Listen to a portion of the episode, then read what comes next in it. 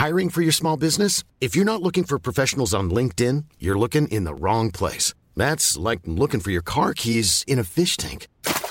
LinkedIn helps you hire professionals you can't find anywhere else, even those who aren't actively searching for a new job but might be open to the perfect role. In a given month, over 70% of LinkedIn users don't even visit other leading job sites. So start looking in the right place. With LinkedIn, you can hire professionals like a professional. Post your free job on linkedin.com slash people today. One size fits all seemed like a good idea for clothes. Nice dress. Uh, it's a it's a t-shirt. Until you tried it on. Same goes for your healthcare. That's why United Healthcare offers a variety of flexible, budget friendly coverage for medical, vision, dental, and more. So, whether you're between jobs, coming off a parent's plan, or even missed open enrollment, you can find the plan that fits you best. Find out more about United Healthcare coverage at uh1.com. That's uh1.com. Ryan Reynolds here from Mint Mobile. With the price of just about everything going up during inflation, we thought we'd bring our prices down. So to help us, we brought in a reverse auctioneer, which is apparently a thing. Mint Mobile unlimited premium wireless. Ready to get 30, 30, bit to get 30, bit to get 20, 20, 20, bit to get 20, 20, bit to get 15, 15, 15, 15 just 15 bucks a month. So, Give it a try at mintmobile.com/switch. slash $45 upfront for three months plus taxes and fees. Promo for new customers for limited time. Unlimited more than 40 gigabytes per month. Slows. Full terms at mintmobile.com.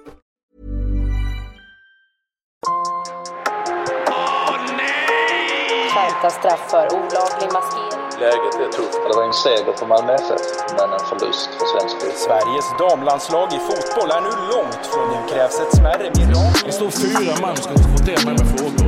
Fy fan vad. Det är auf Wiedersehen till ett intresspelet i Tyskland.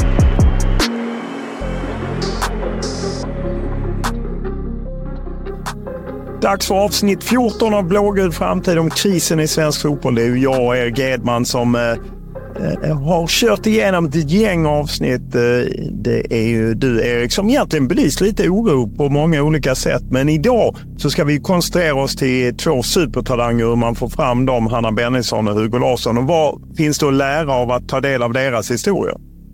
Det finns väldigt mycket tycker jag. Framförallt eh, den här genuina glädjen till fotbollen tycker man eh, får ta del av av de personerna vi har pratat med och intervjuat här på med olika frågor. Ja, och eh, som sagt 21-åriga Hanna Bennison som hunnit med mycket sedan debuten i Rosengårds A-lag. Som 15-åring vunnit SM-guld, cuptitel, spelat Champions League, 40 A-landskamper, OS-silver, VM-brons, EM-semifinal, satt ett avgörande mål bland annat mot USA i, i straffläggning i somras och flyttade till Everton och Women's Super League för ett par år sedan. Och det andra exemplaret är ju Hugo Larsson. Otrolig utveckling. 2022 började han slå sig in i MFFs A-lag. Eh, Uttagen till vinterturnén 2023 och sen bara rasslade på. Tog plats i MFF, SM-guld, flytt till Eintracht Frankfurt, debut i riktiga A-landslaget och gör sånt avtryck i Bundesliga att de eh, är oerhört imponerade. Så att visst är det två spännande exempel vi fastnat för. Ja, definitivt. Det är ju det bästa vi har i Sverige just nu på, på, på yngre spelare, ska man säga. Där, där de har eh, visat på och prova att de klarar att spela på den absolut högsta nivån och gått igenom alla de här stegen som vi ofta har pratat om under den här serien också. Ja, som sagt, avsnitt 14 har ni missat eh, flera av våra avsnitt så finns ju de eh, både på Fotbollskanalen och på, där poddar finns. Blågul framtid om krisen i svensk fotboll. Och nu ger vi oss in i eh, vägen fram för Hanna Bennison och Hugo Larsson. Och vi börjar med Hanna Bennison. När en ryggskada satte stopp för spelarkarriären sadlade Ida Mbarka om till tränare. Hon har varit juniorelittränare i Umeå, chefstränare för Hammarbys akademi och nyligen F17-tränare i Malmö FF. Dessutom var hon 2020 och 2021 individuell tränare för A-laget i Hammarby, det vill säga stora delar av den grupp spelare som tog SM-guld i år. Men framförallt så var hon en nyckelfigur i Hanna Bennisons utveckling. Ida Barka var ungdomstränare i Rosengård när Bennison kom dit för tio år sedan och följde henne hela vägen upp till A-laget.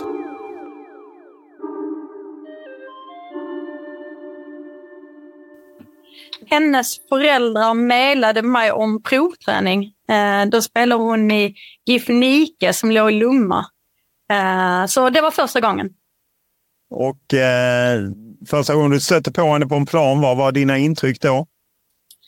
Eh, väldigt eh, blyg, eh, introvert, eh, duktig och framförallt väldigt eh, fysisk. Hon var väldigt olik de andra flickorna vi hade i laget. Hon spelade lite som en, som en pojke på den tiden. Du eh, plockade henne till Rosengård där du var då. Eh, vad var det du kände att hon hade för egenskaper som gjorde att hon blev intressant? Eh, för det första tyckte jag hon hade bra rumsuppfattning och öga-hand, öga-boll.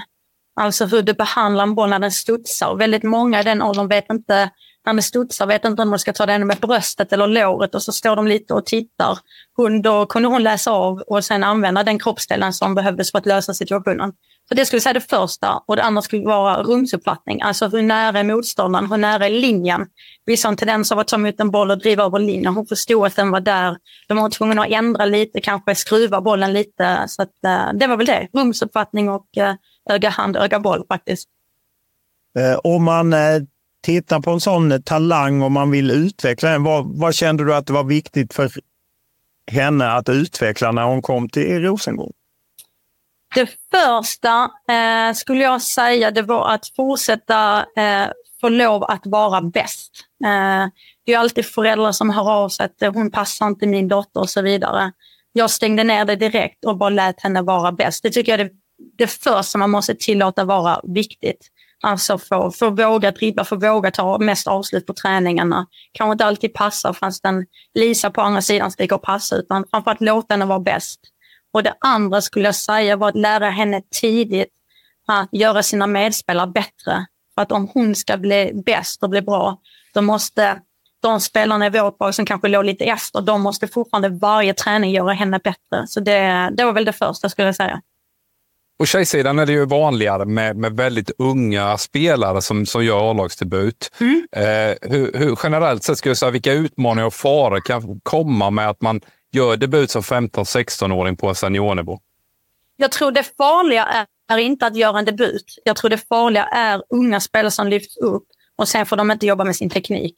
Jag har sett många unga tjejer Eh, göra debuter men de, de finns ingenstans idag eh, för att man inte jobbar med dem. Jag tror att vi var ganska tydliga i Rosengård på den tiden i alla fall att inte spela en ung spelare bara för att hon är ung utan hon ska vara duktig också och fortsätta jobba och utveckla på tekniken. Det är som att du skulle hoppa över till nionde klass för att du kan matteboken där, men det betyder kanske inte att du kan engelska eller svenska på den nivån. Så vi var väldigt noga med att jobba, fortsätta jobba med tekniken. Hur gammal var Hanna när hon kom till Rosengård? Ja, hon äh, runt 13 år, 13, däromkring. Och, och, när man jobbar med, med, talanger så och just det blir föräldrar och den typen av eh, svårigheter, hur, hur hanterar man det så att det inte ska nå spelare? Uh, jag tror att jag var ganska uh, tydlig med att uh, berömma henne och berömma hennes beteende. Så jag tror att föräldrarna var väl inte så uh, lika tydliga på läktaren. Sen vet jag att det kom mail till klubben och så vidare om vissa grejer. Men eh, jag tror att vi, vi klarade det ganska bra. Jag, jag upplever inte att det upplevdes av dem på planen i alla fall. Det tyckte jag inte. Hur snabbt tog hon sen kliv uppåt så att säga, i att spela med äldre och eh, A-lag? Väldigt snabbt skulle jag säga. Eh, i vår kull när jag hade dem, vi mötte alltid äldre tjejer redan, så redan där fanns det gratis. Vi mötte två till tre år äldre. Eh, jag hade väl henne kanske fem år där i det 02-gänget och sen hoppade jag upp och tog F19. Då jobbade vi mycket med ehm, rotationsträning, så då fick hon träna ett pass med F19, sen blev det två pass. Eh, för att klara det sociala, sen när man är vänner med dem, då börjar man med det tredje passet så att det blir mer belastningsmässigt. Så var hon i F19 och sen två, tre år där med Jonas Edevall eh, ehm, fick hon göra A-lagsdebut. Så det, var, det var kul. Och sen har man ju haft träningsmatcher innan. Det, det är sådana saker som kanske inte syns i media. Det finns ju Svenska cupen och träningsmatcher. Vi hade vissa kombinationsmatcher med de bästa från F19 och de som kanske inte fick så mycket spel till det A-laget. gjorde vi träningsmatcher mot danska lag och så vidare. Så att, ehm, det var så vi jobbade. Eh, under, innan hon når A-laget, hur är nivån på omgivningen i laget? Jag skulle säga att vi hade en jättebra omgivning. Det var ganska likt. Det var många som var på hennes nivå och många som var bättre än henne också. Eh, vi hade en väldigt bra nivå. Ehm, jag tror mycket på att, eh, som jag var lite på innan, för att göra den bästa bäst måste du höja de som ligger lite längre bak. Eh, så jag skulle säga att nivån var jämn i vårt lag i alla fall. När hon kom från Nike, då gissar jag att det mer hade varit föräldraträning och liknande. När hon kom till Rosengård, var det då mer professionella tränare, det vill säga att du eh, och andra hade ansvaret? Ja, men det skulle jag säga. Eh, sen tror jag att eh, de som hade henne gjorde ett jättebra jobb. Eh, de hade bra, alltså det var inte bara hon som kom från det laget, de var två, tre stycken. De var riktigt duktiga. Ehm, jag tror största skillnaden är väl egentligen att, att vi ställer lite högre krav. Jag är ganska tydlig med om hon gör ett mål i, i krysset på träningen så kanske jag säger hade Hedvig, Hedvig Lindahl stått i mål så får du skruva den 10 centimeter till. Så så jobbade vi mycket. Det kanske man inte gör lika mycket i de här breddklubbarna. Att man petar så. Hur eh, var förutsättningarna för liksom, träningsmöjligheter? Vi vet ju exempelvis i en del storstäder kan det vara svårt med eh, planer och liknande. Vilka förutsättningar hade ni? Jag skulle säga att vi hade ganska bra. Vi var ju på Malmö IP hela tiden. Sen hade vi inte helplan eller alltid halvplan. Eh, men vi har det ganska bra. Däremot tror jag vi stack ut i vårt lag för att ibland ställer kommunen in träningar. Det ska städas, det ska ändras. Ibland var det när damlaget hade en Champions League-match, då är arenan stängd två, tre dagar innan. Då fick inga ungdomslag stä, äh, träna och då fick vi ut ett mejl, eh, men vi har inte träning den här veckan. Men jag var ganska tydlig med att ändå träna, så vi, vi gick ut i parken och körde. Så att, ähm, jag tror vi löste det på ett bra sätt. Eh, detta är ju en period när hon är i ålder för att ta sig ut i det som kallades eh, elitflicklägret, som ju heter någonting mm. annat nu. Då ja. skickade ju inte Skåne några spelare. Hur, hur var det? Eh, nej, men det var speciellt. Jag tror inte från min sida och kanske så mycket för spelarna, men det var en stor grej i Skåne, det var en stor grej i Malmö, det var en stor grej med föräldrar. Men eftersom hon och några andra 02 var så duktiga, jag hade dem i F19, då spelade vi i F19-allsvenskan. Så jag hade ganska god kontakt med Per då som var landslagstränare. Så jag, vi filmade våra matcher och sen skickade vi till dem och sen besökte han en gång. Så ja, vi löste det bra i alla fall i vårt lag. Hur viktigt eh, tycker du det är för, för unga spelare att testa sig internationellt och möta andra typer av motstånd, andra spelartyper, andra spelsystem och så vidare? Jag tycker att det är jätteviktigt. Sen tror jag inte alltid det behöver vara ett utländskt motstånd. Alltså vi spelar mycket mot danska lag. Vi spelar mycket mot killar, ska jag säga. Eh, mm. Mycket, vi, vi spelar en serie med killar. Vi anordnar egna träningsmatcher och träningsserier med killar.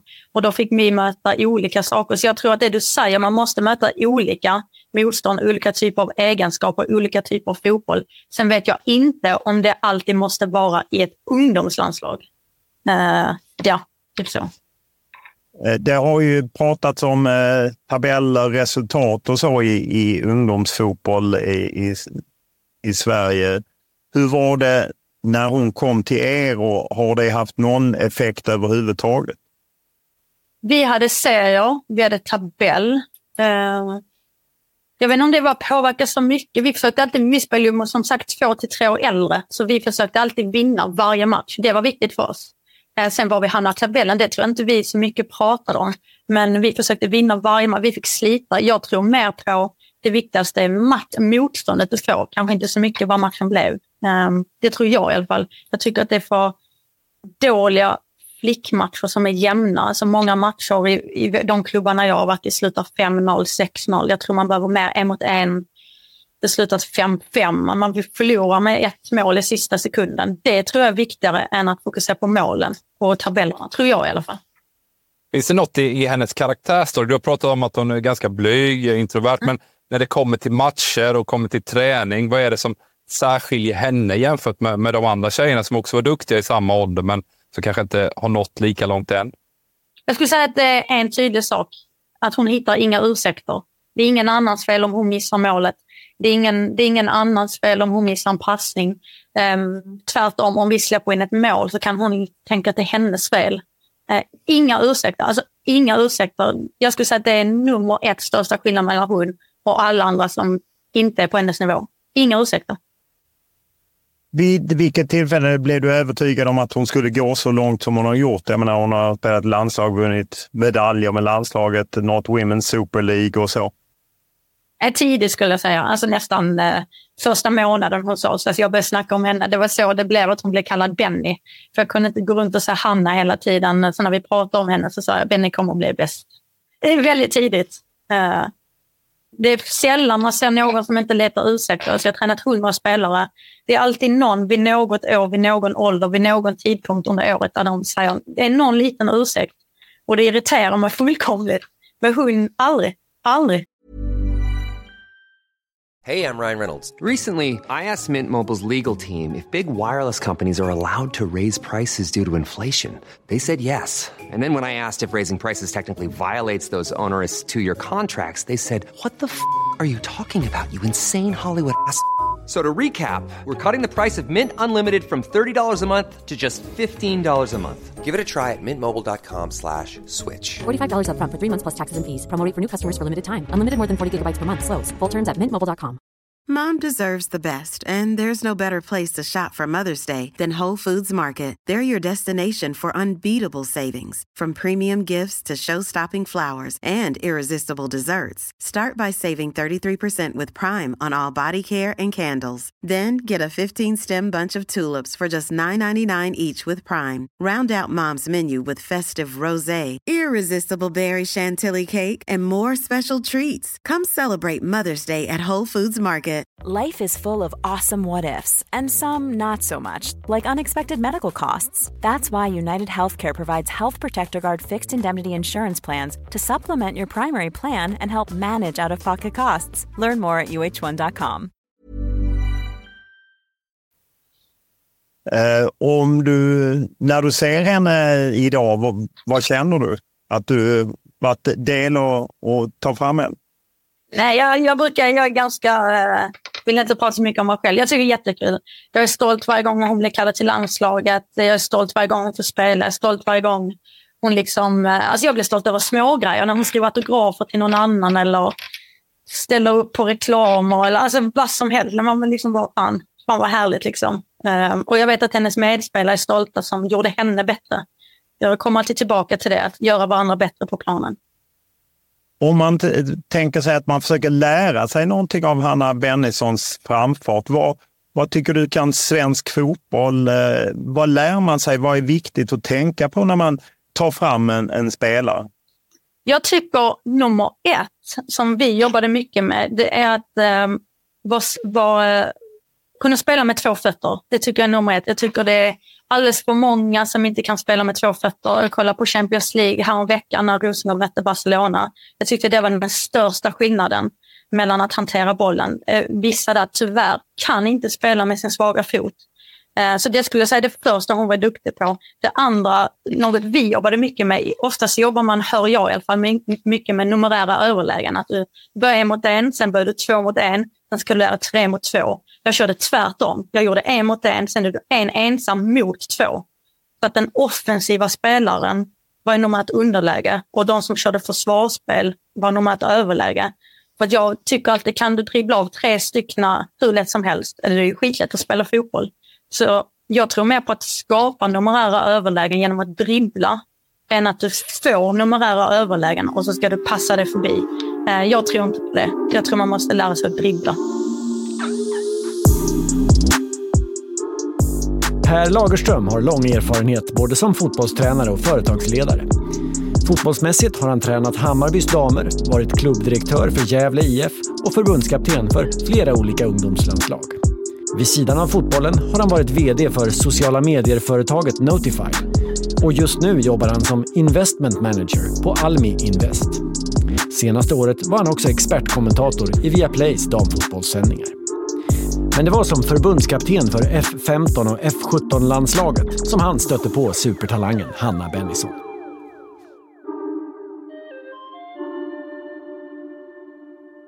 Första intrycket var att hon eh, stack ut eh, något eh, enormt. Man såg på fotbollsplanen en spelare som var klart mycket bättre än alla andra hennes år. Men det fanns också någonting med hennes aktioner. Det var inte bara att hon var bra, utan hon var otroligt maximal i allting. Eh, extremt noggrann och så ett par ögon som var så påkopplade. Så det, det, var, det var något speciellt första gången jag såg henne. Hur tidigt hörde du talas om henne som en talang? Det var ganska intressant där om hon var 15 år. Då var det ju ett, ett år för svensk fotboll där det här utvecklingslägret eh, där Skåne inte var med. Så spelade, de skickade inte spelare till det lägret. Men det ryktades om att det fanns en spelare i Skåne. Då var det Ulf Kristiansson, min tidigare kollega, som jobbade där. Så att man fick helt enkelt åka. Jag vet att Ulf åkte och letade upp Hanna Bennison. Det var inte så svårt, för att alla pratade om henne. Eh, och eh, liksom från den dagen har man hört att det var någonting extra. Och sen har jag och Uffe jobbat ihop mycket med henne genom åren också. Vad tror du att eh, det är som har gjorts rätt med henne? Jag menar, hon, gick ju, hon var ju gift med Ica redan som tidig 5-6-åring och sen bytte hon då till Rosengård i 11-12-årsåldern. Vad, vad är det man har gjort rätt? Eller är hon en eh, råtalang som hade kommit fram oavsett? Nej, alltså dels så tror jag att vi, kan alltid, vi kommer få fram vissa sådana här guldkorn alltid. Det tror jag beror på också svensk fotbolls eh, liksom, grund med vår breda idrottsrörelse. Att vi att vi har liksom fotbollen nästan i DNA. Det, det ploppar upp. Men jag tycker fortfarande att det finns en dimension till i Hanna Bennison. Att förutom, om man slutar prata om henne, om man pratar om formerna runt omkring, så är det som du beskriver. Hon, hon bodde nära en elitmiljö. Hon kom in tillsammans med dem eh, för, för, att det fanns tillgänglighet. Och Det tror jag är viktigt. Jag tror inte någon hade varit mogen för att flytta jättelångt i om det, utan hon kunde göra det, fortsätta samma typ, men i en ny miljö. Samtidigt har hon väldigt många kloka människor får man ändå säga runt omkring sig. Eh, dels att hon duktig ungdomstränare då i, i Rosengård, Ida. Eh, hade Therese Sjögran faktiskt som sportchef i Rosengård. Vi har väldigt bra dialog. Trots att hon var tidig i Rosengårds liksom, seniorlag. Jag tror Hanna Bellson gjorde ändå 17 eller 19 U19 eller som U17-landskamper. Och det är inte på internationella datorn. men klubb hade kunnat stoppa henne där. Men det var en väldigt tydlig dialog med att Hanna, hennes föräldrar, förbundskapten, klubbar, en oerhört stor apparat runt henne eh, som jag tror är en av nycklarna faktiskt också att hon fick blomma ut den här talangen som kommer att finnas här och där. Hur upplever du henne som person när det kommer till eh, problem och utmaningar? Ja, hon, dels har hon en extrem målmedvetenhet, eh, men också, om man, liksom, det är därför jag tänker så här, den här men systemet runt Hanna Bennison, systemet behöver alltid finnas, men systemet behöver hanteras olika på vilken spelare det är. Hanna Bennison hade en enormt egen, alltså otroligt intelligent, väldigt, väldigt coachable, tog till sig saker, hon kunde titta på landskamper, hon, klart hon utvecklade sin hemmamiljö. Men hon kunde ta ett extremt stort ansvar kring hennes utveckling själv, tillsammans med det här. Jag tror man behöver samma nätverk. Vi tar till exempel Rosa Kafaji, en annan som är lite äldre kanske behöver en annan typ av individ, men behöver en annan typ av coaching. det finns ingen en enda väg för de här talangerna, jag. Var det något eh, Hanna Bennison saknade som man behövde peka på och jobba med? Ja, men, dels så tycker jag att hon saknade när hon blev lite... Hon var ju väldigt, väldigt bra, men hon spelade ju ett av värld, liksom Sveriges bästa lag, då, ett Europas bästa lag, Rosengård. Det var ju faktiskt speltiden. Eh, att, att det var väldigt svårt att slå sig in där och en träningsmiljö kan vara okej okay, något år eller två, men hon spelade lite för lite. Det där tror jag faktiskt jag tror att jag tycker det stora jobbet gör alltid klubbarna, men där tror jag komplementet med landslag, att man får spela 15, 12, 13 högkvalificerade matcher. Vad de spelas spelar för mig ingen roll, men de behöver spelas för unga spelare så att de får möta väldigt hög spets, stora utmaningar och se vad som krävs. Det tror jag är väldigt viktigt. Hon var ju lite omsusad och jag menar, lite upp i åren som var med på olika listor och liknande som stor talang. Hur, hur är det att hantera den typen av uppmärksamhet? Att just få ett, vi sätter ju gärna klisterlappar, supertalang och liknande. Vi i media är ju delaktiga i det. Hur, hur hanterade hon det? Ja, det är ju en, en, utmaning för tror jag, alla människor i dagens samhälle och idrottare att man blir, att det är, du får stämplar. Eh, och eh, får vi fråga, det är bara Anna som kan svara på det. Men min bedömning är att visst, hon, hon hanterar det bra. Men jag skulle inte råda någon att få ett pris som utsänd till världens bästa talang. För det blir ett, ett, ett utifrån tryck som är enormt. Och man tänker också på hennes val, vad hon gör sen. Då. Hon går, jag tycker ändå hon har en tanke där. Hon går till Everton. Redan då fick du fråga, är det en stor klubb eller inte? Det är världens största talang. Jag tror hon valde den med syft, väldigt strategiskt för att få spela. Men sen så fort hon inte får spela, då påminner ju alla henne om att det faktiskt är världens största Den, jag tror Erik vet det själv, om du inte får spela har du nog tankar i huvudet. Det blir inte bättre för det där liksom ältas, ältas, ältas i huvudet. Jag tänker det här kring, kring matchsituation inför matcher. Hur upplevde du henne som, som person där? För jag vill ändå in lite där på, kring karaktären. Hanna Bennison, superintelligent men ganska blyg som person. Eh, och min som lilla roll i landslaget här, även fast vi var högkvalitativa matcher, det var ändå att utmana henne så mycket som det gick. Hon var överlägsen sina lagkamrater och de flesta spelarna eh, i världen. Så trots att hon inte pratade så fick hon vara lagkapten. Hon fick slå straffar, fick slå frisparkar. Eh, för hon behövde de utmaningarna. Och det ansvaret hade jag inte kunnat ge till alla bara för att. Men henne kunde jag ge det till, för hon var mogen. Hon gillade ett ansvar, men hon skulle inte be om det. Så att... Eh... Ja, men jag tänker, I det läget som ledare då, så, så ger du henne ännu mer press för att hon behöver det för att ta nästa steg. Ja, förhoppningsvis så ja, tänker jag att det kanske ändå ger en, i alla fall en tillräckligt, tillräckligt svår utmaning. Alltså hade, jag, hade, det blivit, hade man gjort det med spelare som jag kanske inte kände hade den karaktär som Anna Bennetsson, som ändå kände... Det är ingen slump att hon slår in straffen mot USA i somras. Hon gillar det. Det är en press, men jag tror hon antar den utmaningen.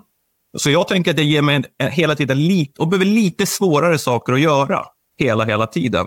Och det var ju att hon gick ju från ett U17-kval direkt in till U23-landslaget.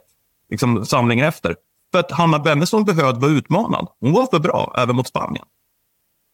Hon hade ju stark fysik och stark med bollflytt och, och liknande. Hur viktigt var det att kombinera med en mental styrka även om hon var blyg?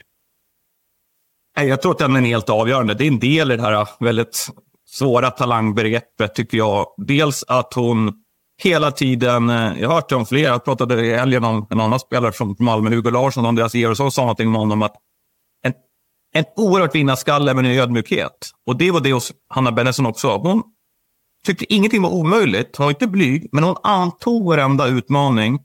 Och sen så tror jag att det var därför, hon gör ju jobbet hemma, men jag tror att det är Hanna Bennison själv som har den här oerhörda inre driven. Du ger henne, hon ser någonting, hon kommer till ett landslag, hon möter någon spelare. Den kan vara lite bättre, jag ska göra det lite snabbare. Och hon gör väldigt, väldigt mycket av det på stor egen hand. Man behöver bara putta på väldigt, väldigt lite. Och det är ju väldigt svårt att, att träna ut för de som inte har det. Hon har ju varit med och vunnit OS-silver och tagit VM-brons och så. Eh, hur ser du på hennes utväxling idag? Hon är ju fortfarande inte särskilt eh, gammal, men har ju ändå varit i elitfotbollen under många år. Hon har det. Hon har en gedigen erfarenhet. Det är klart, när man har sett vad hon har för kapacitet så, så hade jag ju... Om jag hade gissat hade jag trott att hon, om man kan säga det trots de där meriterna som hon faktiskt har, men hon var fantastisk spelare, att hon hade kommit kanske ännu längre. Att hon kanske, nu när svenska landslaget inte hade centrala mittfältare på skadelistan, att hon hade fått ännu mer spel, speltid, det hade jag nog trott. Och jag tror det grundas lite grann att på hemmaplan där Everton, att hon har inte, hon har inte fått hundraprocentigt förtroende i en specifik roll. Det tror jag är hennes utmaning. Vad är det hon ska spela? Det handlar inte bara om att tänka vilken klubb det går till för att du ska få spela. Hur ska klubben använda mig som spelare? Och där tror jag hon har, har, kämpat lite grann i Everton. Och det kan vara en av anledningarna att hon inte nått full potential än. För jag tror fortfarande den finns där. Vad kan svensk fotboll i stort lära sig av en liksom, resa som Hanna Bennissons för att försöka få fram fler? Jag tycker det här är en rolig, det är därför jag gillar den här, här diskussionen. Det här är en väldigt, väldigt viktig fråga. Alltså, dels så tror jag att man måste förstå att det finns ingen exakt väg för en... För det är människor som jobbas med. Däremot så en nyckel när vi hittar de här guldkornen, det är att vi faktiskt gör någonting extra för dem. Att klubbarna sportcheferna, förbund, om det går, föräldrarna, som måste sätta in det. Den funktionen, så att man faktiskt ger de här talangerna alla förutsättningar för att lyckas. Och Det här som jag tycker har varit intressant när jag lyssnar på er. att det ena utesluter inte det andra. Alla talanger kommer att säga att de behöver utmaningar, mycket träning, uppflyttning, tuffhet. Det är sant. Men det betyder inte att det är det enda sättet svensk fotboll ska jobba. För de här spelarna ska få det. Men den stora massan måste få det andra. För annars kommer vi inte hitta de andra spelarna. Det är min personliga åsikt, tycker jag. Utan talangerna måste få något extra. Vi är skickliga på det breda. Jennifer Falk, tar exempel, har 0-0 mot Chelsea. Hon gjorde debut i eliten i Malbacken som 22-åring. Hon kanske hade försvunnit om vi tror att alla spelare behöver ha den här superspecialiseringen, superfokuset, rätt matcher. Vi måste kunna jobba med båda delarna i svensk fotboll. Ta vara på guldklimpar, för de är inte så många. Men ha bredden, den stora massan och få fram fler senare som vi inte vet om tidigt. De, de måste gå parallellt tycker jag.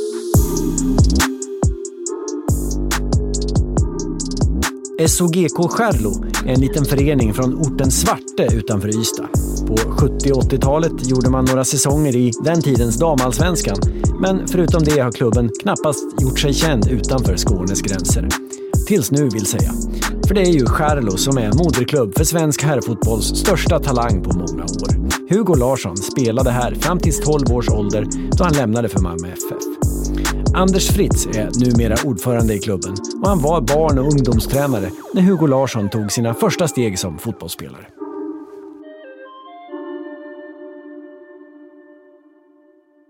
Jag säger, det första intrycket det var ju när min son spelade i samma lag. Det var att det här var ett gäng som ville spela fotboll, även om de kanske bara var fyra, fem år gamla. De var inte där för att vet, med boll och lek och de här grejerna runt omkring. De skulle bort till eh, och spela fotboll helt enkelt. Eh, och det var verkligen så. Eh, det är nog det jag, första jag minns av Hugo. Här spelar vi fotboll. Var, vid vilket tillfälle förstod du att han kanske hade något speciellt?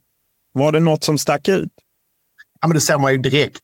Alltså, eh, han, hade, alltså, han hade ju en talang direkt från början. Vet han med motoriken, blicken för spelet, tekniken. Alltså, väldigt tidigt. Han utmärkte sig jämfört med, med, med de flesta andra.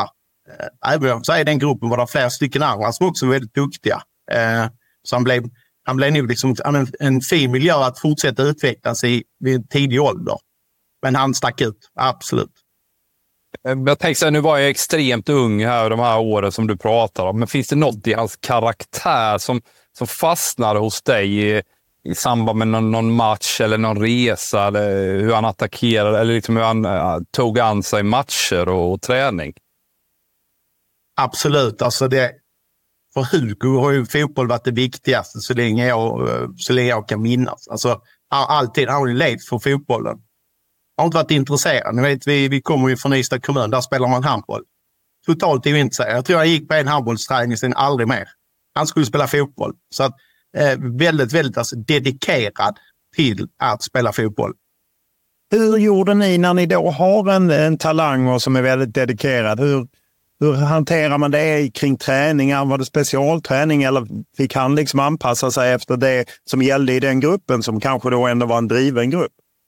Den gruppen, nu var det ju hans föräldrar Jonas och Petra som var tränare i gruppen.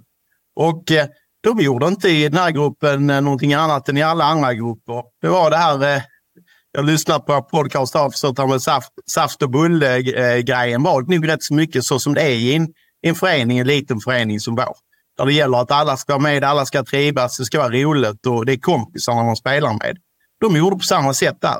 Sen tror jag att i och med att gruppen var, de var duktiga, de ville spela fotboll tidigt, att det hjälpte dem mycket i att det blev nog bra övningar tidigt och eh, man var runt på väldigt mycket turneringar fastän de var små spela mycket runt omkring, inte bara i lokalt utan eh, mer runt om i Skåne. Hur eh, skickliga var de som grupp när de åkte runt och, och spelade turneringar? Alltså jag har inget minne av att de förlorade en enda match, eh, faktiskt. Nej, jag tror inte det. Kanske någon oavgjord någon gång, men eh, nej, de var... Det, då är det ju framförallt då fem, femmannafotboll som var på den tiden. Där var de ju jätteduktiga. Vad var det som eh, stack ut kring Hugos fotboll mer än att han hade en stark karaktär? Ja, men det var ju viljan att vinna också klart. Alltså någon vinnarskalle. Det, det, den, eh, det var ju på din fråga Erik. Vinnarskallen den har ju funnits där hela tiden också. Eh, och inte acceptera en förlust, då blev det... Alltså, man blev besviken, irriterad, kanske till och med eh, förbannad i vissa lägen. Men det var inte ensam om utan det var fler i det laget som verkligen ville vinna det märkte man.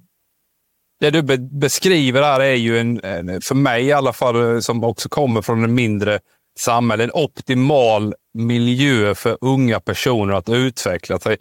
Tränare som är drivna och framförallt en spelargrupp som nästan driver sig själv. Fanns det något mer inom föreningen eller kanske samhället och bygden där runt som också du tror påverkade Hugo och de andra i laget? Ja, men det kan vara själva tillgången till Svarte i en liten by med tusen invånare. Men vi har ändå en stor idrottsplats med, med gott om möjligheter att gå upp och spela fotboll precis när du vill. Vi har flera gräsplaner runt omkring i byn eh, där man bara kan spela fotboll spontant. Och eh, det gjorde de hela tiden. De spelade ju så mycket fotboll på, i skolan så att eh, de ville förbjuda fotbollsspel på rasterna, eh, lärarna. De var så trötta på det. För ibland blev det lite konflikter såklart. Så att, eh, men det, det, lyckades vi få stopp på, eh, tack och lov. Så att eh, egentligen kan man säga att, att barnen själva fick... Det fanns liksom inga gränser för hur mycket de kunde hålla på då. Inte i den här åldern. Alltså då. Och, och det kan man ju säga i svart generellt. Eh, när man går upp till idrottsplatsen ser man där, alltså, där är nästan alltid eh, ungdomar uppe och barn och, och spelar fotboll på deras, eg, efter deras egna villkor. Det är inga liksom, proffstränare som håller på och sånt, utan de, de sticker upp och spelar och har det roligt själv och står och slår frisparkar och, och håller på. Så, så det kan vara någonting i miljön som är positivt, att vi spelar mycket fotboll i byn. Hur mycket fanns det inslag, eller fanns det överhuvudtaget inslag av någon specialträning eller något extra som kan ha hjälpt till på vägen?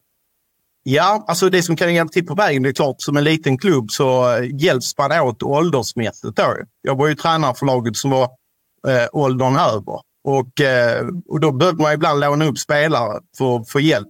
Och Hugo ville gärna vara med, hjälpte till. Så det är klart, då fick han en, en, en lite tuffare utmaning eh, och vara med och spela där. Mer, kanske mer fysiskt om de är ett, två år äldre och så vidare. Då. Så att där fick jag ju den möjligheten också. Att man var inte så indelade. Och vi har ju mycket så att vi hjälps åt. Vi har både tjejer och killar i klubben. Alltså att tjejerna är med och spelar i, liksom i mixade lag långt upp i åldern. Och, alltså vi, vi försöker inte vara så strikta, utan vi spelar, vi spelar på helt enkelt. Var, var han med och tränade med den här gruppen då som du eh, hade hand om också? Eller var det bara i samband med matchen när man, okej, okay, vi behöver ta med tre från, från gänget under? Eller var han med på träningarna också där? Eller? Ja, det var nog mest matcherna som det var. Jag tror de höll sig rätt så mycket i, i, i den gruppen ändå faktiskt. Det tror jag. Sen har vi sådana, vi har sådana fotbollsläger och så. Där spelar man i grupperna över varandra och spelar alltså på ett annat sätt. Där har vi fortfarande ett stort fotbollsläger.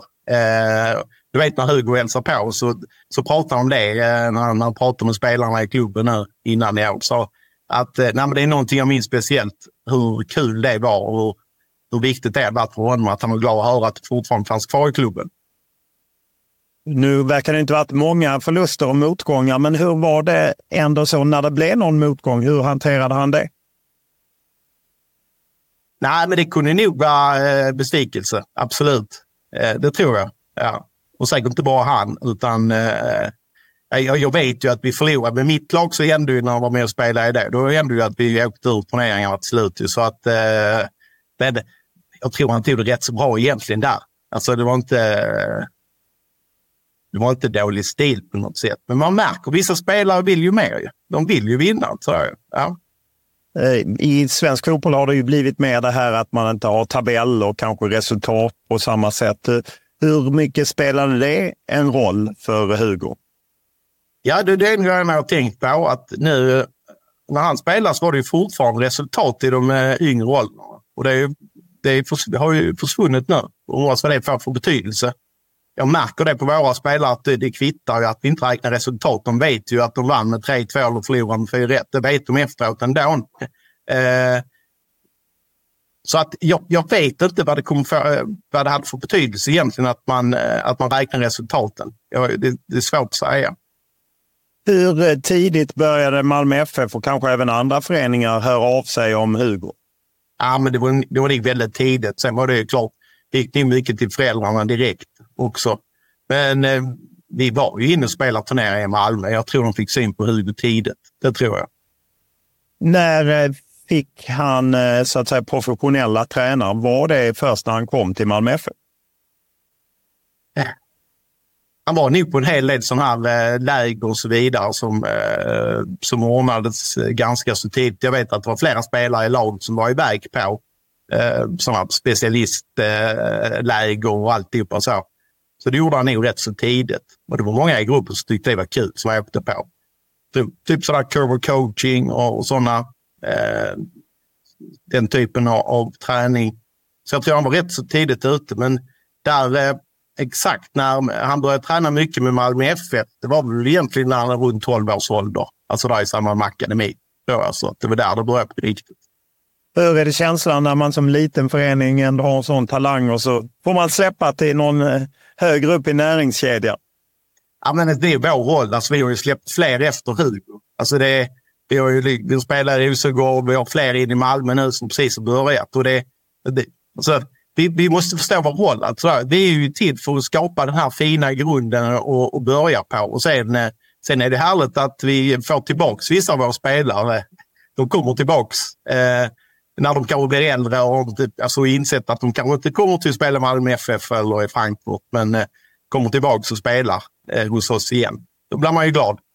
Men det är ju klart. Hur är känslan när du ser Hugo Larsson i en landslagsdräkt eller i Eintracht Frankfurt-dräkt gör mål på Bayern München? Ja, man blir ju så stolt. Det är klart. Det. Vi, eh, vi följer det med, med, med stor spänning och glädje. Så att det är självklart. Som jag sagt, sån tur vi hade. Tänk att, eh, att vår lilla eh, Farlo, den förening som, eh, som vi, vi jobbar med, som hade den turen att hans Hugos föräldrar valde att bosätta sig i Svarte och börja spela där. Och att jag tänker som så, vi, vi har inte gjort något unikt i klubben som så. Det tror jag inte, utan det är många andra klubbar som hade Hugo är så pass duktig så det kvittar egentligen. Så länge inte det hade varit något negativt så hade han garanterat tagit sig vidare ändå, tänker jag. Men vi har kanske gett en bra grund alltså, att stå på och där är kanske andra grejer i som inte riktigt man har förstått. Det var kanske en väldigt bra miljö där. Det var, det var inte bara han som var duktig i laget utan det var flera. Ja, finns det någonting du tror att man kan lära sig, liksom något lite bredare utifrån talangutvecklingen? Eller är han en sån exceptionell talang att, att det spelar inte mycket roll vad man gör? Alltså jag, jag, jag tror faktiskt att uh, Hugo var en exceptionell talang. Jag tror, uh, jag tror det. Jag tror han har kommit vidare oavsett. Så jag vill inte, vi vill inte ta på oss uh, mer, mer, uh, mer liksom av uh, grunden kring det, förutom att vi uh, inte förstört på i vart fall. Ja. Nej. Och eh, ni fick honom att kunna spela fotboll i skolan på raster och liknande så att de inte drog in det. Jo, alltså jag, när det var bråk, jag gick ju dit ibland på rasterna själv. Vet man gick förbi eh, i byn, alltså bara kolla liksom, så att allting gick eh, rätt till så de fick fortsätta spela fotboll. Eh, och det är kul. Barnen spelar fortfarande jättemycket fotboll på rasterna i Sverige. När Sverige för tio år sedan tog ett sensationellt brons i U17-VM var Roland Larsson förbundskapten. Medaljen blev slutpunkten för en lång och framgångsrik karriär på Svenska Fotbollförbundet som inleddes redan med Tipselitprojektet på 90-talet. Sedan dess har Larsson tillhört Malmö FF. Numera är han koordinator för klubbens alla flicklag, men det var som P19-tränare som han hade hand om den mycket lovande talangen Hugo Larsson.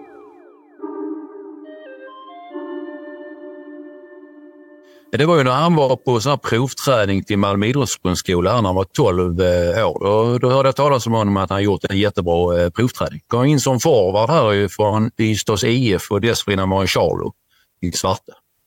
Ja, och vad är det som gör att man vill gärna ha in dem rätt tidigt eh, i verksamheten?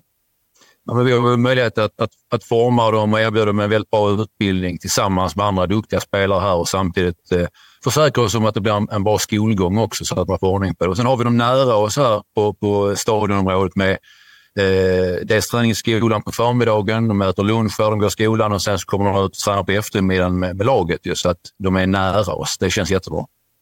Vilka krav ställs det ändå på när man är, är 12 år eh, och, och, att man då gör ett relativt stort skifte trots allt om man bor lite utanför Ystad och sen ska istället bedriva mycket av det man gör i livet vid den åldern i Malmö? Vi erbjuder ju en, en, en bra fotbollsutbildning och för den Malmö idrottsskola och hela vår akademiverksamhet som vi har på andra skolor runt om i Skåne idag eh, har vi egentligen bara en, en, eh, eller en målsättning och det är att de går ut med eh, godkända betyg och kan ta sig vidare till, till gymnasiet. Så att fotbollen finns ju där naturligtvis och det gör vi så bra som möjligt men vi har skolan i, i förarsätet där så att säga. Om man plockade honom som 12-åring, hur tidigt hade ni hört talas om honom innan det är som leder till att man blir eh, dit eh, eh, inbjuden på eh, provträning och liknande? Om jag har uppfattat det rätt så var det så att vi hade en, ett, ett, för våra lag som var ute och spelade någon turnering någonstans och där där fanns han med i, i Ystad då och hade gjort det jättebra ifrån sig. Han spelade ju forward på den tiden. Och målskyttar som stänker in rätt många bollar är man ju intresserad av att titta vidare på naturligtvis. Så att han, han eh, kom in och provtränade här lite grann och vi skapade en kontakt med honom. Jag tänker på det här Roland med kring skolan och vikten av den, att, att uh, de som går där ska komma ut på andra sidan med godkända betyg så att säga. Vilka fördelar ser du med, med skolan som hjälper fotbollen? Men jag tror rent allmänt så tror jag att man kan strukturera eh, sitt liv på ett bra sätt om man lär sig göra det i skolan också. Med att det blir ordning och reda på träning. Man lär liksom sig, sig strukturera dagen, att man gör vissa saker vissa perioder. Det hjälper en som idrottare också. Sen har vi ett samhällsansvar i detta naturligtvis. Att vi vill att så många som möjligt ska kunna stå på ett fotbollsben och ett, fotbolls, eh, eller ett, ett skolben och, och, och, kunna klara sig i livet även om det inte blir eh, eh någon fotbollskarriär på hög nivå. Så är det vårt ansvar. Finns det några karaktärsdrag som man kan urskilja från, från, från skolan och de betygen och ambitionsnivån i skolan som man sen kan på något sätt applicera på fotbollen?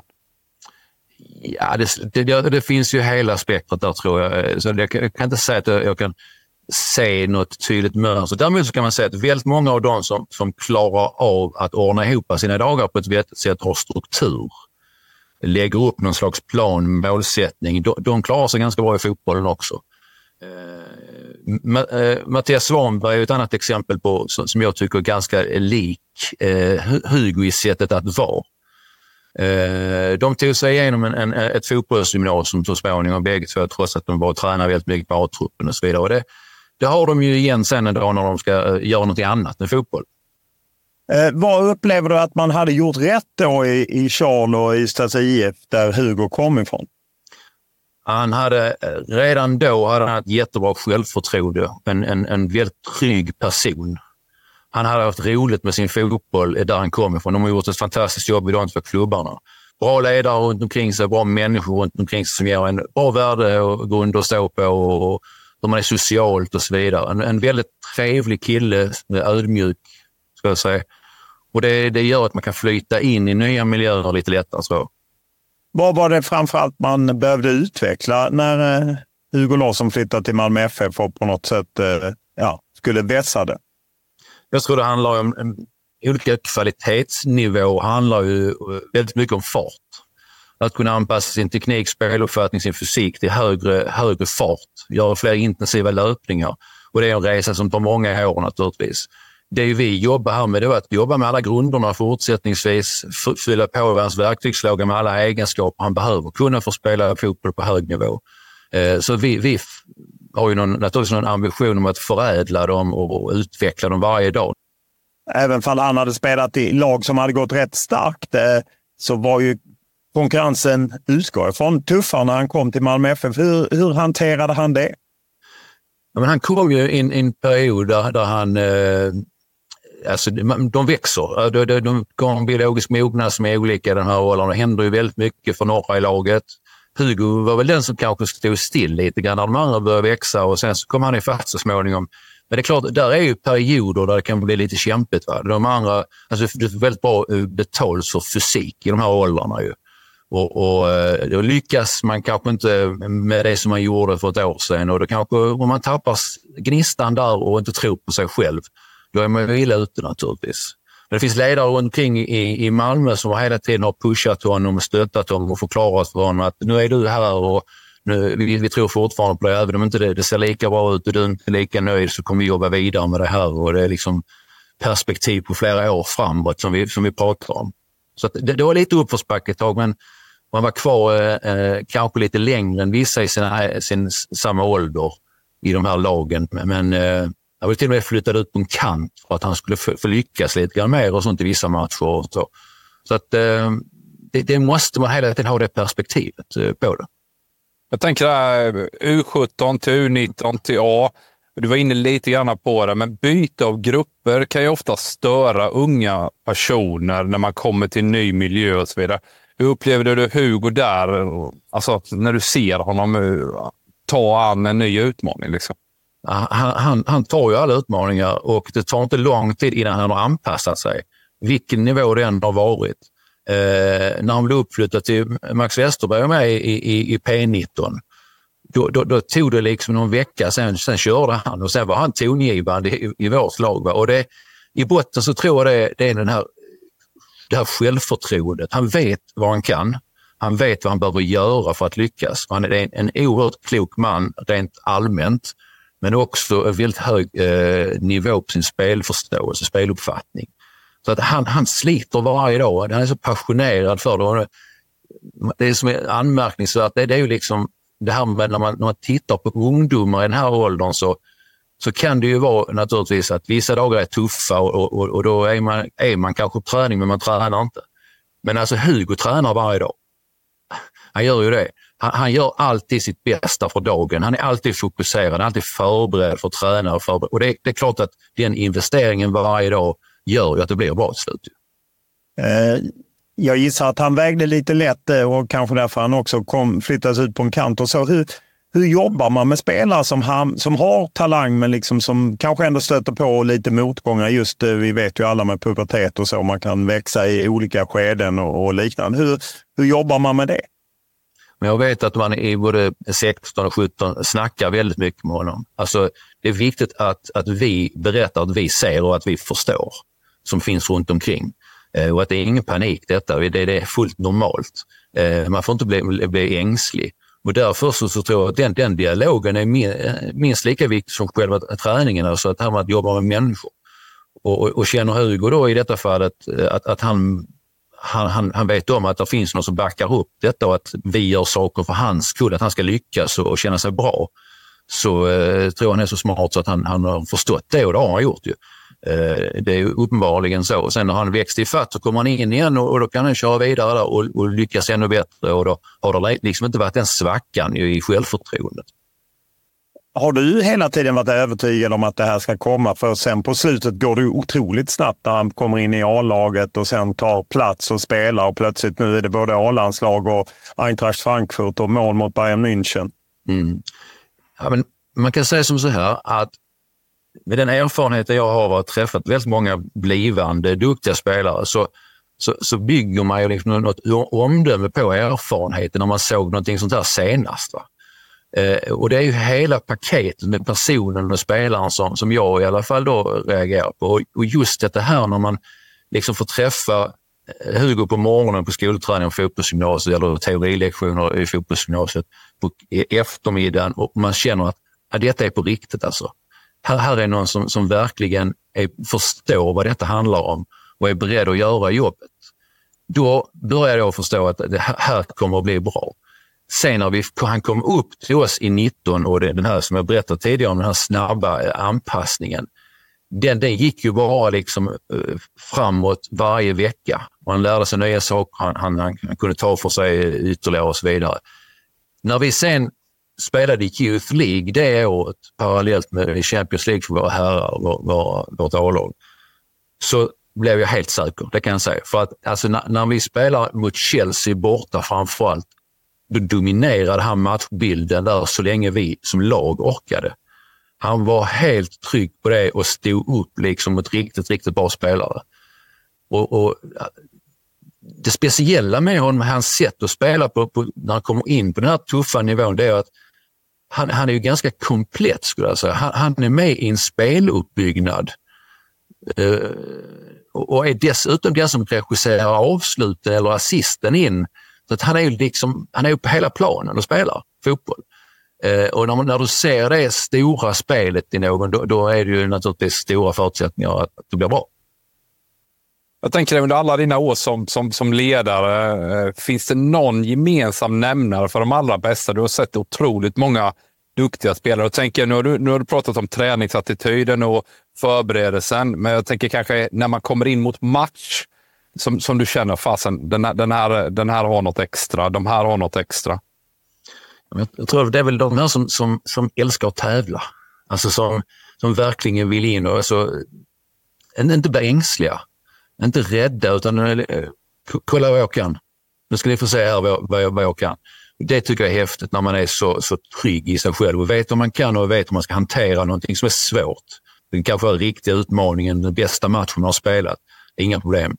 Och det är Hugo i, i, i, något i, i, i ett nötskal, att han, han är inte rädd. Han har respekt, men han är inte rädd för någonting. Liksom. Eh, det, det, det tycker jag det karaktäriserar de här stora spelarna. Om man eh, tänker sig att eh, tittar liksom för svensk fotboll eller svensk talangutveckling. Finns det någonting att lära sig av en sån resa som Hugo Larsson exempelvis gör? Att man kan, vilka lärdomar har ni gjort i Malmö FF kring att försöka få fram ytterligare spelare av den kalibern? Ja, men vi, vi, vi försöker jobba med, med det här med att, att, att stötta spelarna individuellt väldigt mycket. Jobbar oerhört mycket med individuella utvecklingsplaner och möter dem där de är just nu. Och, och kan förstå hela det här med den fysiska utvecklingen och, och, och så vidare. Eh, det tror jag är en, en, en nyckel och sen så att du har en speciell metod kring hur du vill spela fotboll är också viktigt att du förmedlar den till spelarna. Och att den då också är, är naturligtvis anpassad till någon slags internationell nivå om vi har ambitionen att få ut vårt herrlag i Europa och våra spelare där så småningom så måste det gå fort. Det är tempo det handlar om, alltså. det går undan. Eh, hur eh, tycker du att man kan man göra någonting mer från förbundet eller liksom för att hjälpa den här utvecklingen för att på något sätt stötta i när man får fram spelare som har kvalitet. Jag menar, nu har man ju lagt till future teams för att fånga upp kanske spelare som är lite sena i utveckling. Mm. Är det en bra väg? Finns det andra vägar? Jag tror att det pågår väldigt, väldigt mycket bra verksamhet eh, runt omkring i Sverige i våra akademier. Det är väldigt hög nivå på, på vår utbildning eh, till våra fotbollsspelare. Så att jag tror att det, vi, vi, vi har många bra grejer på gång. Det har vi. Men det är klart att internationella matcher, internationella turneringar, att spela det som ung spelare är jätteviktigt. Det tror jag. Det, det, det är viktigt att förbundet satsar vidare på det här med Future lagen och att vi, vi kanske har ännu fler turneringar som vi vill delta i. Det finns ju skandinaviskt mästerskap och så, eh, så, sådana turneringar nu också som kommer till och det tror jag är förträffligt. Vad känner du när du ser eh, Hugo Larsson sänka in ett mål eh, på Bayern München? Jag var faktiskt där nere och hälsade på honom just den matchen, så det var ju en välregisserad dag av Hugo. Eh, jag sa till honom efter att eh, du ska vara klar över att det är nog inte fler gånger, oavsett var du spelar i framtiden, som du kommer att slå Bayern München med 5-1. Eh, och att han då får göra ett mål, det, det, är, ju, det är ju glädje. Det är, att, det är fantastiskt att se en spelare vara så bra. Jag tror inte han slår ett felpass eller gör ett misstag på de 90 minuter vi spelar. Och det är ju en kick naturligtvis. Det är det ju. Vad betyder det för er som eh, ungdomsverksamhet som eh, har haft honom sedan 12 år? Vi är ju jättestolta över detta och, och, och, och försöker kopiera det någonstans i framtiden på något sätt. Men, men det, det, är ett kvitto på, på vår verksamhet från skola och, och vårt samarbete med de klubbarna som finns runt omkring oss. Eh, att vi har en, en, en bra verksamhet rent allmänt som kan, kan lyckas forma en spelare av den här kvaliteten. Henrik Rydström var gäst i ett tidigare avsnitt. Det om taktik och trender. Han är Kalmar FF-profilen som ledde den klubben till sitt första SM-guld 2008.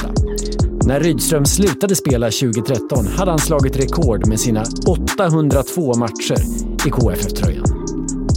Efter spelarkarriären blev han tränare i Kalmar och Sirius och för ett år sedan tog han över Malmö FF.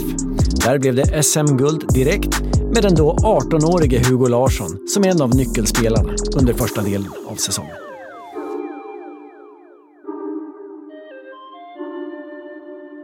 Det är ett otroligt intressant eh, exempel. Eh, för eh, Hade Hugo eh, varit där han är idag, om inte Malmö hade gått dåligt 2022 eh, och haft väldigt många skador. Eh, det tror inte jag, för då hade inte han fått det utrymmet. Eh, nu hade Malmö väldigt mycket skador och, och Hugo fick möjligheten.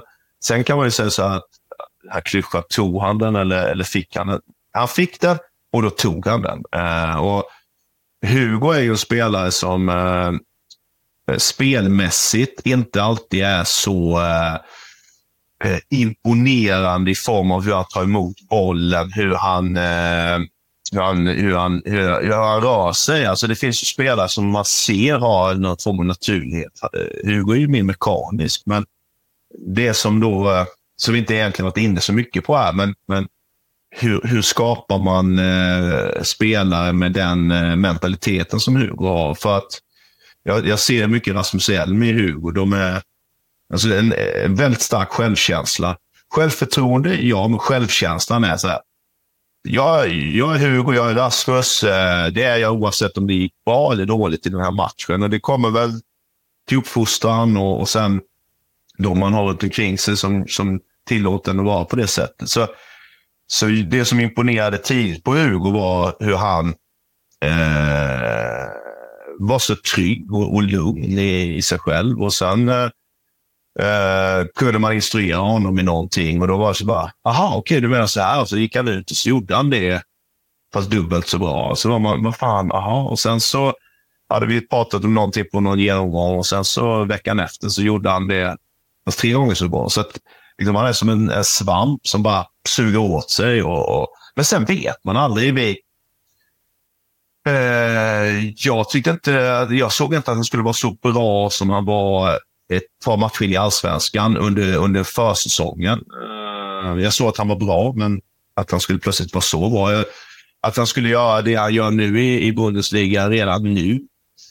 Svårt att säga om, men, men han har den förmågan att okej, okay, så går han in på den nivån och så hittar han direkt att ja, så här gör de här, då gör jag det också. Och så gör det lite till.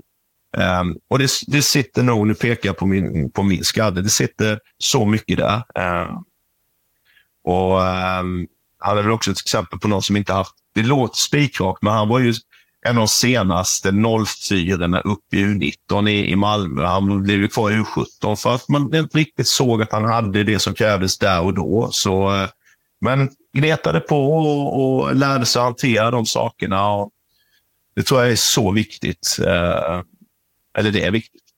Hur kan man lära ut det? Eller går det att lära ut det som Rasmus Elv hade och som eh, Hugo Larsson har just mentalt? Hur, hur, kan man träna med unga spelare kring det? Eh, kommer tillbaka, just det, nu, nu, inte, nu är det här separat. Ja, men det här med, med lärandemiljö, att, att skapa ett prestationsklimat, att inte jaga det kortsiktiga. Och där som tränare har man ett enormt ansvar. Jag har sett, i och med att jag har varit U17 och U19-nivå, så, så blir man rätt sugen på att okej, okay, han är bra. Fan, vi flyttar upp honom till nästa nivå. Det, vissa behöver det för att de är färdiga. Eh, men det finns några som... Jag, jag skulle säga att...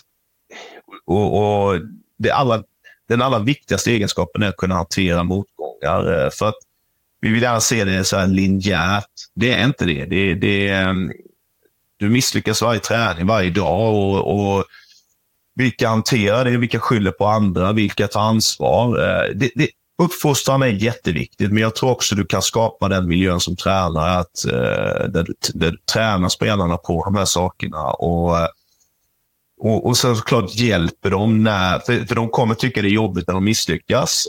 De jämför sig, det spelar ingen roll hur stark du är själv. Du jämför dig med de andra. Och nu är han uppflyttad. Nu han, men det handlar inte om vem som är först fram, utan det handlar om att, att skapa en, eh, ska vi kalla det en, en psykologisk flexibilitet. Eh, elasticitet kanske. Eh, och det, det, kan du skapa i den miljön du, du verkar i. Men som tränare har du ett jätteansvar där. Eh. Och då måste det också såklart vara tillåtet att misslyckas.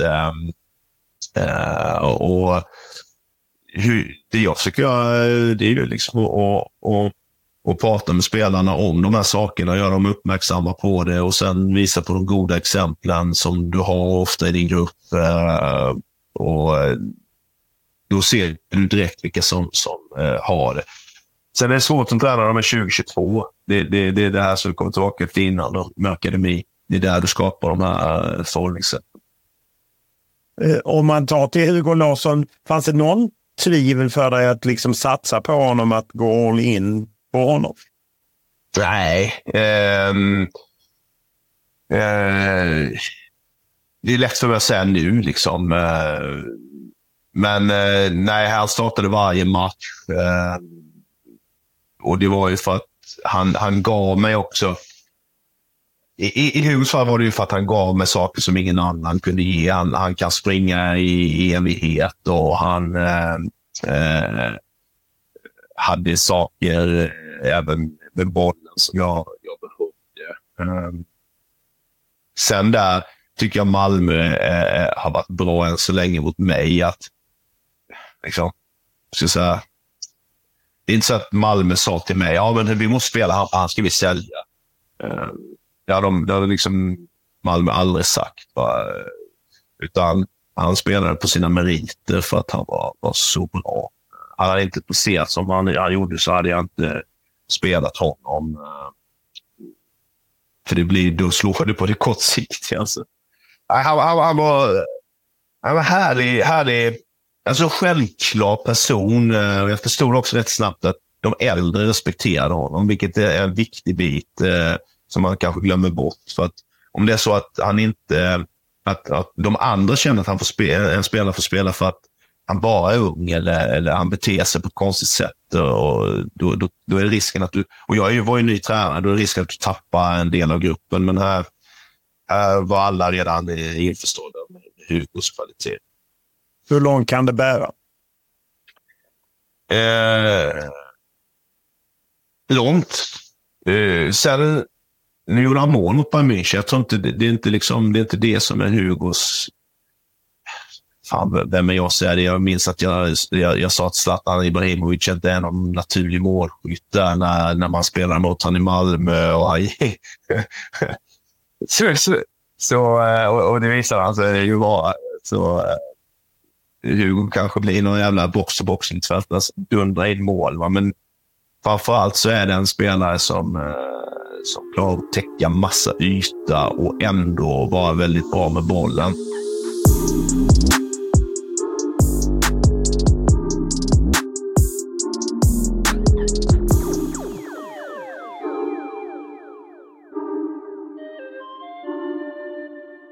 Det var ju rätt mycket spännande man fick sig till livs, även om det genomgående på något sätt för både Hanna Bennison och Hugo Larsson verkar ju varit att de varit otroligt målmedvetna från start. Att de har verkligen velat bli någonting inom fotbollen. Och, och oavsett vilka steg man lyssnar på så hör man ju det här med trygghet, självförtroende, oerhört driv, skyller inte på andra, tar ansvar, lär sig. Verkar vara riktiga praktexemplar som dock sen fått rätt väg uppåt. Ja, och det är klart att då tänker man så här att eh, är, det, är det tur, är det tillfälligheter i vissa fall? Eh, nej, det är det ju inte, för att de har ju lyckats ta sig igenom den typen av svårigheter som, som kommer i alla karriärer på olika sätt och, och kunna hantera det och tackla det och på något sätt lära sig och utvecklas ännu mer till nästa steg och nästa nivå genom att ha, ha, ha gått igenom den typen av eh, ja, svårigheter. Det är väl ett tufft ord kanske att säga, men i alla fall utmaningar på många sätt för, för två unga personer fortsatt kan man komma ihåg. Ja, när man hörde på Ida Skog Mbarka så var det ju uppenbart att eh, när hon liksom pumpade upp Hanna Bennison, du är bäst, du får vara bäst, så fanns det reaktioner i, i föräldragruppen och att det är någonting man måste hantera när man liksom eh, ja, ger någon extra förutsättningar. Ja, jag blir lite ledsen när jag hör det nästan på faktiskt. Just det här föräldraengagemanget som tar uh, uttryck och, och, går över styr. Att, att man på elitnivå inom svensk fotboll eh, behöver hantera det så mycket. Det, det tycker jag någonstans är eh, faktiskt tragiskt. Eh, eh sen, sen har de varit starka, FC Rosengård där, och kunnat hantera det ändå. Men, men eh, jag tycker ändå att se till att hålla avstånd till föräldrarna så mycket det går för, för eh, att låta barn och unga spela själva. Ja, och sen fick man ju höra att det här att jobba med bägge fötterna och att, att hon jobbade med omvända, eh, man brukar prata om numerära överlägen. Istället jobbade man med numerära underlägen. för att En mot en, en mot två, en mot tre för att liksom hela tiden. Och de spelade mot killar och att det viktiga eh, som hon eh, belyste, Ida, var ju liksom det här jämna matcher. Det är det som ger någonting. Det är det man måste få till. Ja, det är just det här tuffa matcher. Att, att på något sätt det är en tävling hela vägen in. Och om du säger, det här att kunna använda båda fötterna, framförallt på damnivå, eh, så, blev det ju extremt tydligt att, att eh, Hanna klarade av det. Hon nämner bland annat Barcelona i Champions League-matchen senast nu mot FC Rosengård. Hur de spanska spelarna är skickligare på att hantera bollen med båda fötterna. Och, och just den här orienteringsförmågan nämner ju Per Lagerström också. Att, att hon var extremt tidig med det och, och, grunden till det ligger ju i en jättebra teknisk förmåga. Att du kan släppa blicken på bollen och, och titta uppåt med, med huvudet istället så att du kan orientera dig och se vad, som, vad med och motspelare finns och så vidare. Just det här tempot också, att tempot går upp ju högre man, man, man eh, kommer så att säga, i pyramiden och kunna hantera det också. Eh, per Lagerström lyfte också det att det var bra att eh, hon kunde komma i en ny miljö. Hon lämnade ju GIF Nike, sin moderklubb i, i Lomma och flyttade till Rosengård som 11 år, men behövde inte flytta jättemycket. Och att där, just samspelet som han också beskriver med FC Rosengård, att hon, det hon saknade i speltid i, i A-laget eftersom hon kom upp redan som 15-åring, det vägde han upp med att spela mycket landskamper och, och att det gjorde att hon hela tiden eh, liksom fick ta kliv. Och han belyste också det här hon blev, fick ju stämpling som supertalang, en av världens mest lovande och att inget lätt eh, att hantera i den åldern. Att, att få den för att man jämförs hela tiden med det. Nej, det tror jag också som, som Per säger det är extremt tufft och definitivt inte någonting som gynnar den långsiktiga karriären speciellt mycket. Det är klart att det kan vara kul för stunden att få, få den uppmärksamheten och så vidare. Men, men eh, över tid så nämner han ju det också, att det är ingenting som, som gynnar, gynnar spelarutveckling över tid. Nej, och han belyser också att hon valde Everton för att få mer speltid. Sen kanske hon inte varit ordinarie där, eller det har hon inte varit hela tiden och även i landslaget har hon inte tagit det här klivet. Och det är klart att då brottas man alltid med det här, men jag tycker också Per Lagerströms inspel, eh, vad man kan lära sig, att det är intressant att ja, men vi måste göra extra för talangerna, de här supertalangerna, men får inte glömma bredden. Han, han eh, lyfter Jennifer Falk i Häcken som liksom satsade mycket senare och som ju står i, i landslaget och, och så. Ja, det var ju uppenbart att man ska jobba med båda delarna från eh, eh Per Lagerströms sida. Och när vi gick och pratade med Anders eh, Ritz eh, i Charloy, eller Charloy utanför Ystad och där ska man ju säga att han, Hugo Larsson spelade där från början. Sen bytte han till Ystads IF, spelade några år där innan han gick till Malmö. Men att även där finns det ju på något sätt, även om alla var duktiga, men det fanns ju ett samspel mellan mellan bredd och, och elit. Liksom att, och att de alltid kunde spela fotboll. Att det är en trygg miljö. Du känner väl igen dig lite från uppväxt på ett mindre ställe? Ja, man blir ju jätteglad och det, det fick man ändå det, även det intrycket. Just den här miljön. Man pratar kanske för lite om den här genuina miljön att liksom ge tillfälligheter och ge möjligheter för barn och ungdomar att hela tiden kunna utöva idrott och sport så mycket som möjligt. Det ska vara enkelt. Det ska finnas en fotbollsplan utanför dörren mer eller mindre för att skapa de här förutsättningarna. Och det hade ju Hugo i Ystad och det hade Hanna i GIF Nike också i början där och, och, även miljön att sen inte behöva flytta hemifrån till Rosengård till exempel. Så just den miljön tycker jag eh, på mindre orter, att man skapar de förutsättningarna, det är otroligt underskattat. Och eh, Hugo Larsson var ju eftertraktad. Han provspelade lite utomlands, men det blev ju Malmö FF han provspelade där. Och intressant att höra Roland Larsson som jobbar med MFF och som ju för tio år sedan ledde svenska U17-landslaget när de tog ett eh, klassiskt eh, VM-brons.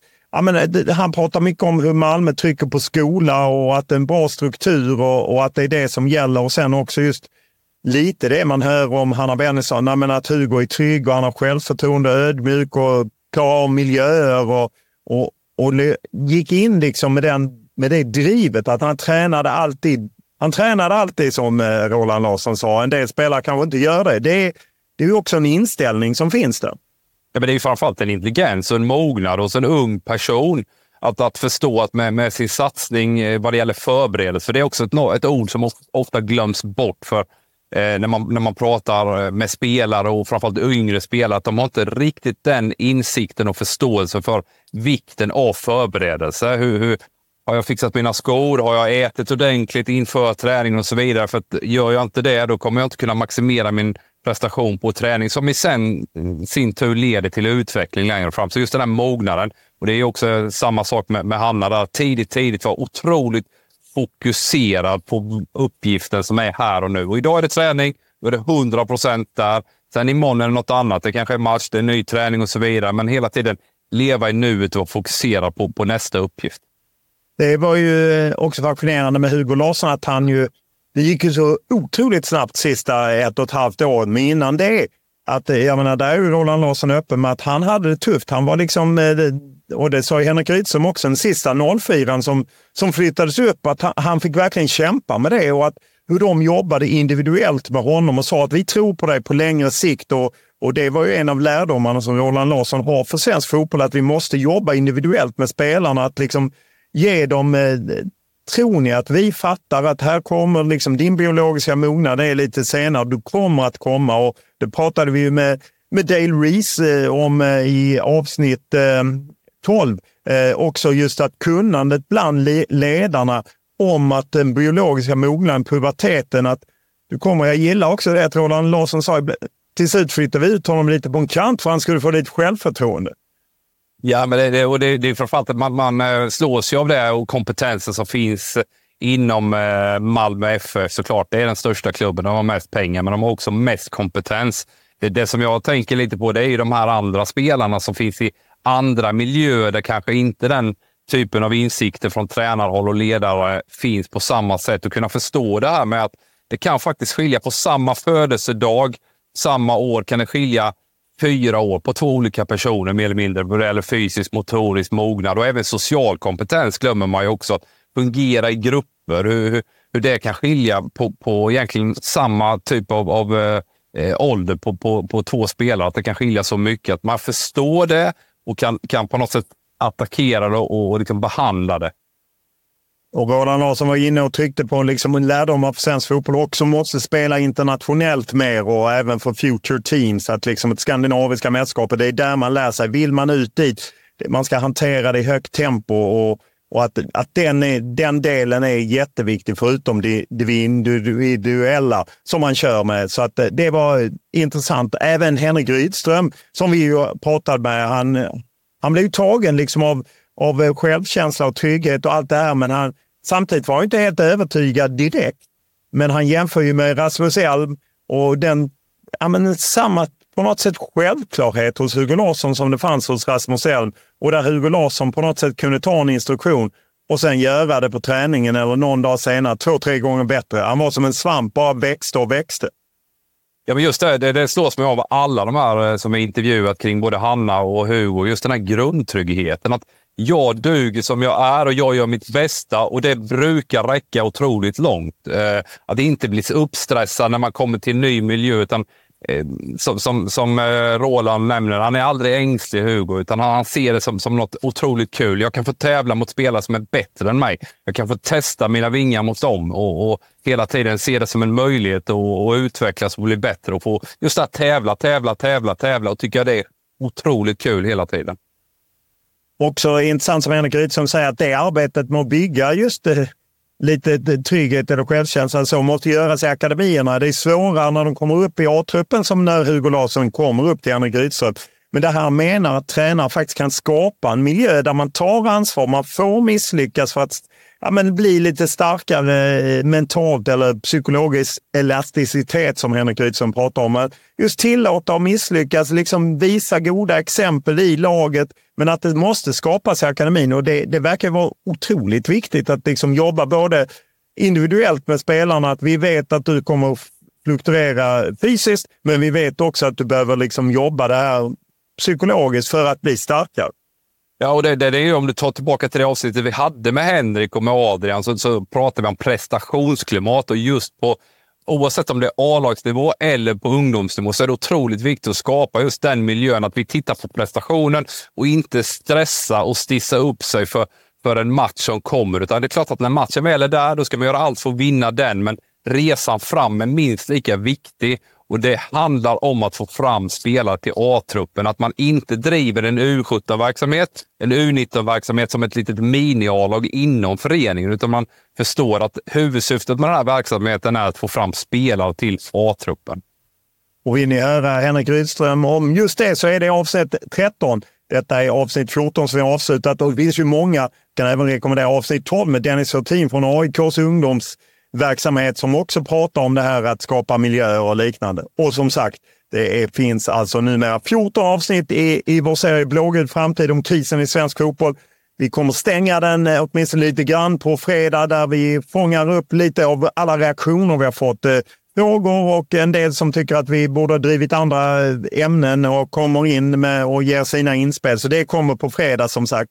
Eh, och eh, då eh, kommer vi stänga ner det här. Men väldigt kul med alla som har hört av sig och är engagerade och uppskattar att vi försöker vända och vrida på hur vi ska få fram fler Hugo Larsson och Hanna Bennissons till landslagen och till klubblagen och till svensk fotboll.